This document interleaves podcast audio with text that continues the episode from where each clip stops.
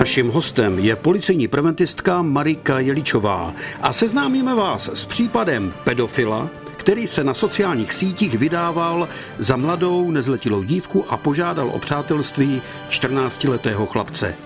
Případ není ojedinělý a proto je dobré dávat si na své děti větší pozor. Tento nezletilý chlapec na sociální síti vystupoval pod svým pravým jménem, měl svůj účet i vlastně své eh, uživatelské jméno.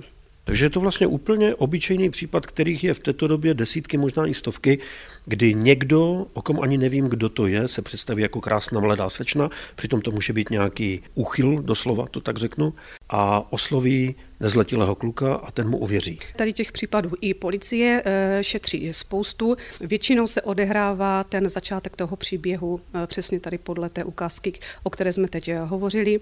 Oslovení, třeba i ty nezletilé děti přistoupí na tu žádost o to přátelství a věří tomu člověku, který je oslovil, věří té identitě, že je pravá a že se jim v podstatě nemůže nic stát. Jak se vyvíjel tady ten případ? Tady ten případ eh, se vyvíjel po dobu tří měsíců, kdy tady tito dva spolu komunikovali eh, s formou soukromých zpráv a tady ta komunikace přešla postupně na různá sexuální témata a došlo i k dobrovolné výměně intimních fotografií. Takže ten neznámý člověk, o kterém jsem nikdy nic nevěděl, mi poslal svou fotografii krásné mladé dívky bez eh, oblečení a chtěl po mně to samé. Chlapec mu to dobrovolně poslal a v tu chvilku Eh, neznámý muž začal chlapci hrozit, že tady ty fotky zveřejní na internetu, že je zašle kamarádům, po případě do školy nebo i rodičům. A co požadoval? Nejenom zasílání dalších a dalších eh, fotografií, požadoval i eh, vytvoření videa. Chlapec vlastně ze strachu, že ty výhrušky budou splněny, tak tohle všechno zaslal a pokračovalo to návrhy ze strany toho neznámého muže. Snažil se toho chlapce dotlačit ke schůzce. Tomu chlapci vyloženě i navrhoval sexuální kontakt a to i přesto, že vlastně chlapec mu během té komunikace řekl, že je mu 14, že navštěvuje devátou třídu. Posloucháte seriál Bezpečný průvodce džunglí zločinu s policejní preventistkou Marikou Jeličovou.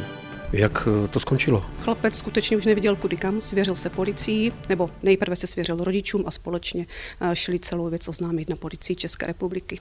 Jak poznám, že mé dítě někdo vydírá? Tady je důležité především eh, mít vybudovaný eh, důvěřivý vztah eh, s dětmi, mít ten dobrý vztah a aby ty děti si byly jisté, že pokud se dostanou do nějaké takové choulostivé situace nebo nebezpečné situace, kterou sami nedokážou vyřešit, tak musí mít takovou jistotu, že se mohou obrátit na rodiče, po případě i třeba na prarodiče, protože spousta dětí tráví i čas se svými prarodiči a i mnohdy ti prarodiče bývají těmi, těmi, na které se vnuci obrátí se žádostí o pomoc nebo jsou ti první, kterým se děti svěří. Jak mají rodiče nebo prarodiče nenápadně tomu mladému člověku říct, na co si dát pozor? Dítě musí vědět, že žádné fotky intimního charakteru se prostě neposílají.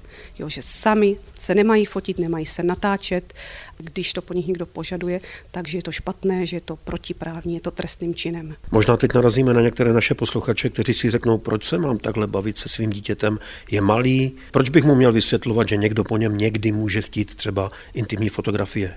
Tady k tomu bych řekla i z praxe přímo, eh, je to z praxe vlastně nás, eh, preventistů, kdy docházíme za dětmi a tady tu problematiku probíráme už klidně i od třetí třídy.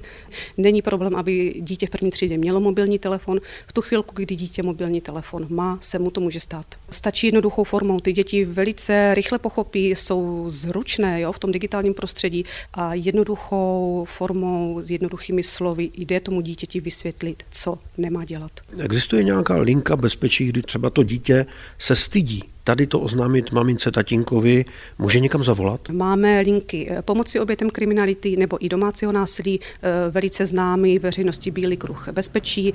Dále jsou to třeba stránky poradna e-bezpečí, tam je výborná spolupráce, nebo taky linka bezpečí, nebo i základ linka tisňového volání 158 policie České republiky. Bezpečný průvodce džunglí zločinu. Každý pátek po 15. hodině a každý čtvrtek v 18 hodin a 45 minut na vlnách Českého rozhlasu Ostrava.